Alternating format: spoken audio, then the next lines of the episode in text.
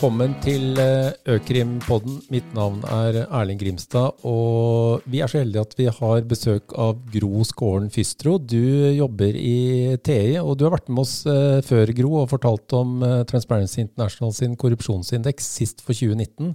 Kan du ikke kort presentere deg selv? Ja, hei. Tusen takk for invitasjonen. Jeg er Gro Skåren Fystro, spesialrådgiver i Transparency Norge hvor jeg har jobbet uh, veldig lenge, helt siden 2004. Og hvert eneste år så utgir jo vi denne indeksen som heter Corruption Perception Index, CPI. Eh, og også i år har vi gjort det. Og hva er høydepunktene, highlights, fra korrupsjonsindeksen for 2020? De viktigste resultatene av undersøkelsen viser at eh, Danmark og New Zealand er på toppen av indeksen med 88 poeng. Altså de minst, som de minst korrupte landene? Som de minst korrupte landene, ja. Det er helt riktig. Så det er da på første, første og andreplassen. Og eh, de er da tett fulgt av Finland, Singapore og Sverige. Og Norge er på syvendeplass eh, for tredje året på rad med 84 poeng. Og I den sammenheng så bør jeg vel forklare at uh, poengsummen her går jo da fra, på en skala fra 1 til 100, hvor 100 eh, er best og 0 er dårligst. Mm. Og Helt nederst på den indeksen da, så har vi jo land som uh, Sør-Sudan og Somalia med 12 poeng. Uh, men også Syria, Jemen og Venezuela ligger helt i bunnsjiktet. Og det er jo litt som forventet. Land som sliter mye med krisesituasjoner, eh, på vei ut av kriger, økonomiske ulikhet, eh, styresettproblemer, det er jo de samme landene som har aller mest korrupsjon.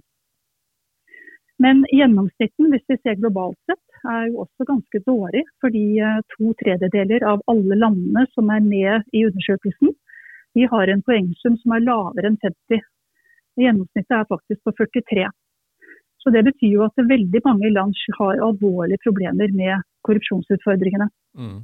Jeg skjønner. Hvis du, hvis du, sammenligner med utviklingen av eh, korrupsjonsindeksen da i 2019 med den som kom for 2020, som ble lansert for få dager siden og vi snakker sammen nå, hva, hva er eh, utviklingstendensen? Går det i rett eller feil retning, så å si? Vi er bekymret eh, for det som skjer nå. Fordi at nå er det jo én variabel som virkelig har påvirket eh, mye her. Og det er eh, koronaepidemien, eller pandemien, unnskyld. Som preget store deler av 2020. Og fra før så hadde vi jo også problemer med demokratiutviklingen i mange land. Og politisk korrupsjon det var jo fjorårets hovedtema. Det fortsetter i år. Og det forsterkes jo av uh, utfordringen i forbindelse med koronakrisen. Så uh, liksom sitatet fra vår øverste styreleder da, i Transparency International, hun heter Delia Ferreira Rubio, sier Covid is not just a health and economic crisis, it's a corruption crisis. And one that we are currently failing to manage. Så det er i grunnen oppsummeringen på årets eh, indeks at eh, koronakrisen virkelig har illustrert eh, også hva slags korrupsjonskrise vi står overfor. Mm. Og, og, når du sier... Og i den sammenheng ja, så har vi, kom igjen. Ja, jo, I den sammenheng så har vi jo analysert uh, hva dette betyr. Og uh, Vi har jo sett da at uh, det er en korrelasjon, altså en sammenheng mellom land som ligger langt nede på indeksen, og deres investeringer i offentlig sektor. Og nå under pandemien så er det jo særlig helsesektoren som vi har vært eh, bekymret for. Og sett at det er en veldig klar sammenheng mellom land som ligger langt nede og har veldig dårlig og liten investering i eh, helsesektoren. Og tilsvarende land som eh, gjør det bedre på indeksen, altså korrupsjonsindeksen, de har mye bedre og høyere investeringer i offentlig sektor og i helsesektoren spesielt. Og Det betyr jo mye, for det betyr jo at man da også er i stand til bedre å håndtere Eh, de helsemessige og økonomiske utfordringene som eh, pandemien har gitt. Det syns jeg er interessant å høre. Altså at land med lav investering i helse assosieres med høy forekomst av korrupsjon.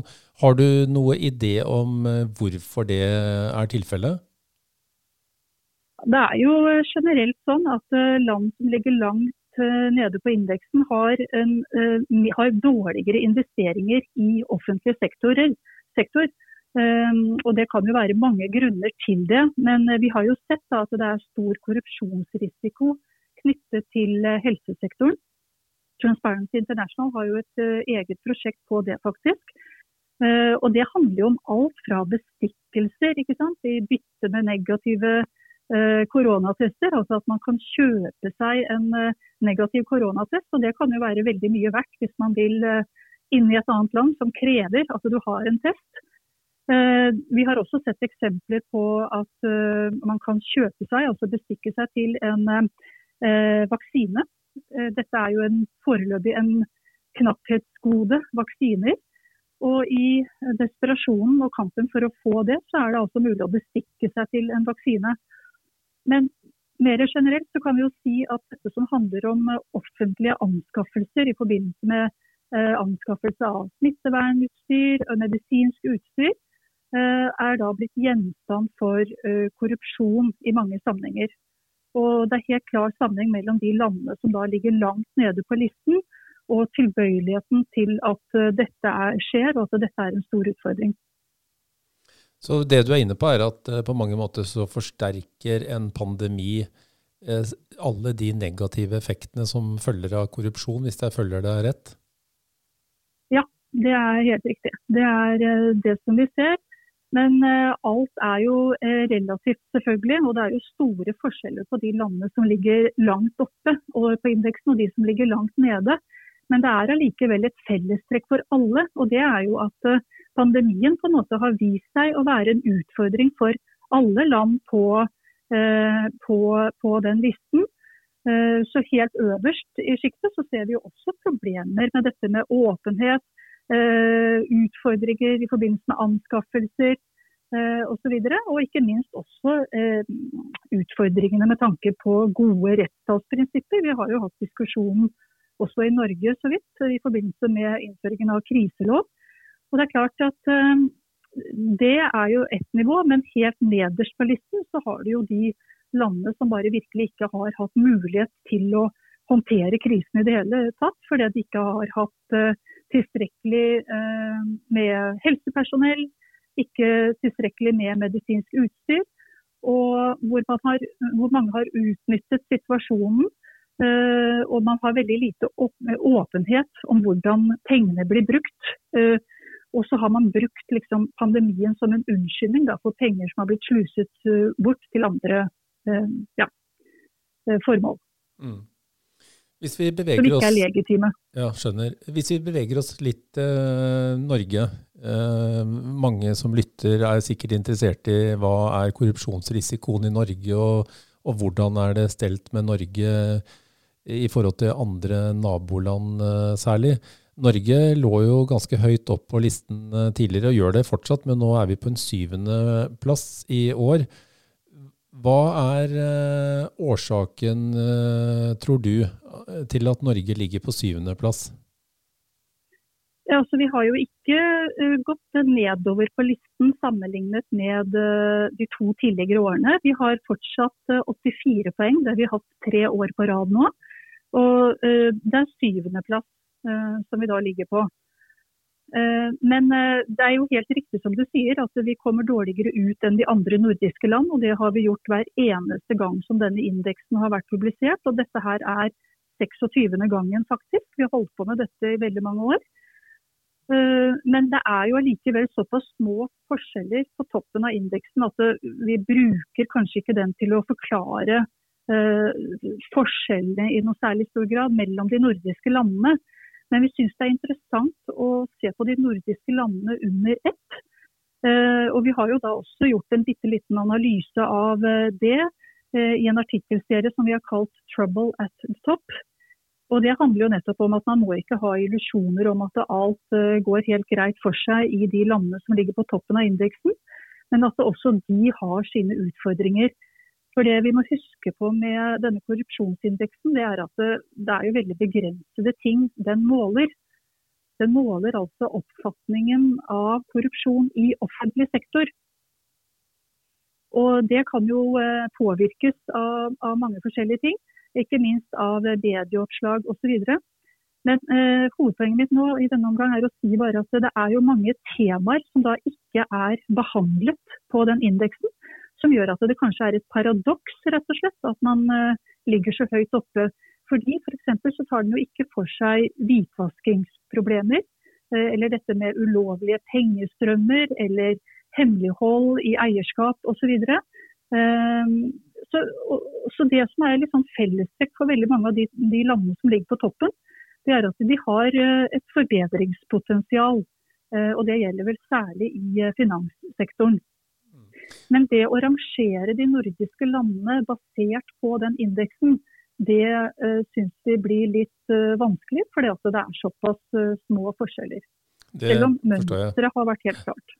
Men jeg har jo også merket meg at det er ikke lenge siden det kom en rapport om hvem som eier Oslo, hvor man gikk gjennom uh, spørsmålet om hvem er reelle rettighetshavere, og hvor er selskap hjemmehørende som eier eiendommer i Oslo. Og det har vært medieoppslag om til og med fritidseiendommer i Oslofjorden som er eid av selskap registrert på skatteparadis osv. Så, videre.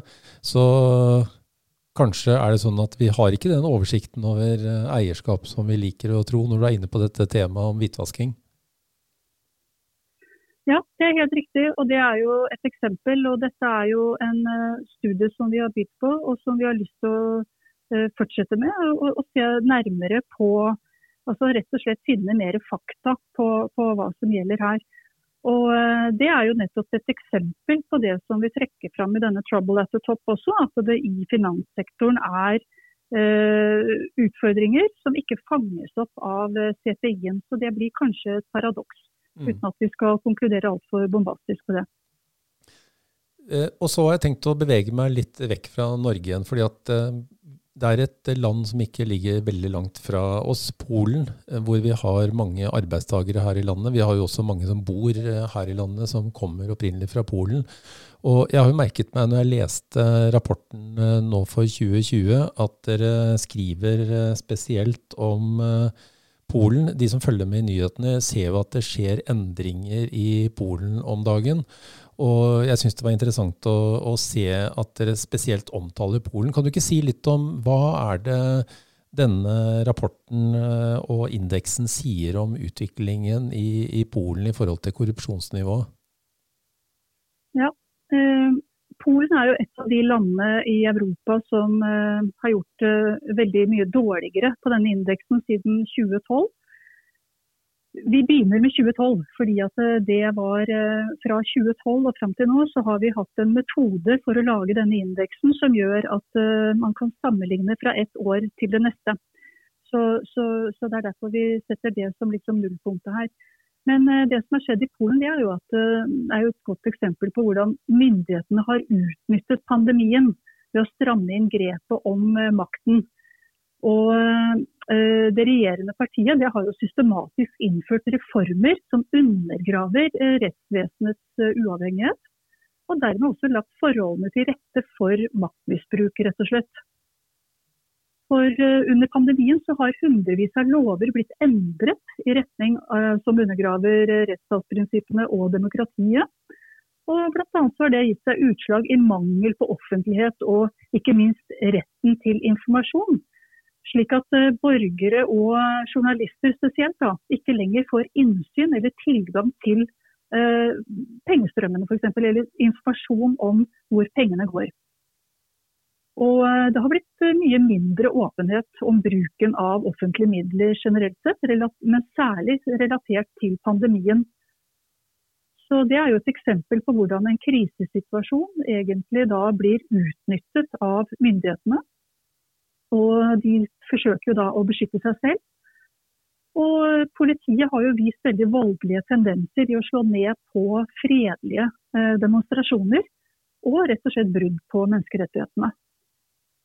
Så uh, dette er jo en, uh, et eksempel da, på hvordan uh, pandemien virkelig har bidratt til å stramme inn maktkonsentrasjonen på toppen. Og dette er da et land som har gått ned med hele syv poeng fra 2012 på den indeksen som vi her snakker om. Mm. Eh, det, jeg tror det siste spørsmålet jeg ønsker å ta opp eh, nærmest som et tema med deg, fordi at det tror jeg noen lyttere lurer på. Hva er det stater eh, kan gjøre som viktige tiltak for å bekjempe korrupsjon? Nå snakker vi ikke om hva foretak kan gjøre, for det, det er en egen episode i seg selv. Men hvilke, hvilke tiltak kan stater gjøre? Og jeg har jo merket meg at rapporten side fem har en oversikt over fire sentrale tiltak som både skal eh, være antikorrupsjonstiltak og også eh, kunne brukes i en eh, pandemisituasjon som vi er i når vi gjør dette opptaket. Så, så kan du bare gi noen sånn korte ekstrakt av hvilke viktige tiltak kan stater gjøre for å bekjempe korrupsjon? Ja, en ting som er veldig viktig, det er jo at man styrker kontrollinstitusjonene i samfunnet. altså vil Si, hvis man har eh, antikorrupsjonskommisjoner, noe som er ganske vanlig i mange land, så er det viktig at de har både ressurser, men også uavhengighet til å kunne gjøre en god jobb. Eh, andre institusjoner som er relatert til dette, det er jo sånn som f.eks. Riksrevisjonen, eh, Sivilombudet og, og andre kontrollinstanser. Så de trenger rett og slett penger og ressurser, og ikke minst eh, en tillit da, for å kunne utføre sitt eh, viktige arbeid. Et annet viktig tema er jo dette med åpenhet og regler for eh, offentlige anskaffelser. Slik at man unngår interessekonflikter, og at man får rettferdig prising av varer og tjenester. Så Det er jo et stort og viktig tema som jeg tror gjelder alle land som er led i denne undersøkelsen. Også i Norge det har det jo vært et tema. Eh, et tredje viktig punkt er jo å beskytte demokratiet, og særlig gi plass til sivilsamfunnet og media, slik at de kan være en kritisk stemme eh, som på en måte eh, holder myndighetene litt i ørene, og som kan da være en kritisk stemme mot maktmisbruk og mot korrupsjon. Og så er det jo dette om eh, åpenhet om eh, pengestrømmer og bruken av offentlige midler, eh, og spesielt i krisesituasjoner. Myndighetene er jo ansvarlig for at befolkningen får lett tilgjengelig og åpen og meningsfull informasjon. Og alle disse fire punktene her er jo veldig vanskelig i praksis da, i en krise. fordi at man kan jo Det ligger jo litt sånn i, i, i krisesituasjonens natur at man setter regler til side fordi ting haster. Og da er det lett å kutte hjørner. Og det kan være veldig legitime grunner til at man gjør det. Men det kan også være noe som myndighetene bruker og utnytter situasjonen. Kriminelle kan utnytte situasjonen uh, for å, uh, for å liksom berike seg selv. Så, så, dette er fire viktige temaer som vi eh, er veldig opptatt av å minne om. Da, og at selv i en krise så må vi tillate oss å minne om øh, og verne om øh, demokratiet og gode rettsstatsprinsipper og menneskerettigheter. Bra. Det var en god oppsummering, Gro, og takk for din innsikt og bidrag. Jeg, tror at veldig mange som hører dette, får lyst til å lese rapporten deres, og den finner de enkelt på Transparency International sin side. Det ligger lenker, og den ja. kan lastes ned som en PDF. og jeg vet at mange av de som jobber med anti-hvitvaskingstiltak eh, som rapporteringspliktig virksomhet, som lytter til denne podkasten, de er eh, veldig nøyaktige med å følge opp eh, TI-indeksen hvert år for å se på hvordan land utvikler seg i forhold til korrupsjonsrisikoen, som er eh, en del av uh, trusselbildet knyttet til anti-hvitvaskingstiltak. Så det har også betydning i den sammenheng. Så tusen takk mm. for uh, bidraget, Gro. Og så håper vi neste gang at vi får deg live i studio når pandemien er over. Vi krysser fingrene. Ja,